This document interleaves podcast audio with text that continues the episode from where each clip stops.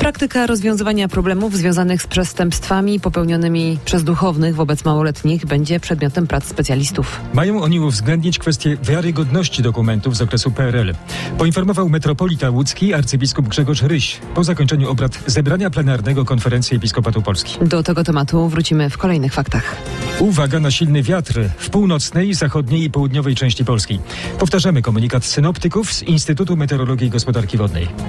Alert obowiązuje do późnych godzin wieczornych, a tylko dziś w związku z silnym wiatrem strażacy na Podkarpaciu wyjeżdżali 93 razy. Większość naszych interwencji polegała na usuwaniu połamanych drzew oraz gałęzi leżących na jezdniach, chodnikach i posesjach. W 15 przypadkach pomagaliśmy zabezpieczyć uszkodzone dachy na budynkach gospodarczych, mieszkalnych i użyteczności publicznej. Najwięcej interwencji odnotowaliśmy w powiatach krośnieńskim i brzozowskim. Na szczęście nikt nie został ranny. Poinformował brygadier Marcin Betleja z podkarpackiej Straży Pożarnej. Wszyscy uczniowie we wszystkich szkołach w podwarszawskim Pruszkowie mają wziąć udział w lekcjach na temat profilaktyki agresji i przemocy. Jak dowiedział się reporter RMFFM Michał Dobrołowicz, taką prośbę do dyrektorów szkół wysłał prezydent Pruszkowa. To konsekwencja szokującego zdarzenia. Grupa nastolatków z tego miasta znęcała się nad swoim rówieśnikiem. Policjanci zatrzymali sześcioro nieletnich, którzy mają odpowiadać za pobicie, przypalanie papierosami i poniżanie czternastolatka, co nagrali telefonem komórkowym. Wszyscy trafili już do schroniska dla nieletnich. Mieszkańcy Pruszkowa planują marsz przeciwko przemocy. Demonstracja odbędzie się prawdopodobnie pod koniec tygodnia.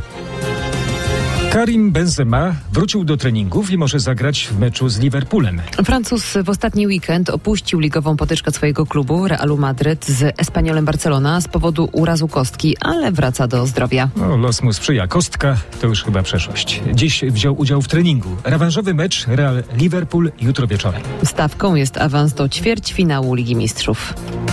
Radio, muzyka, fakty. RMFFM.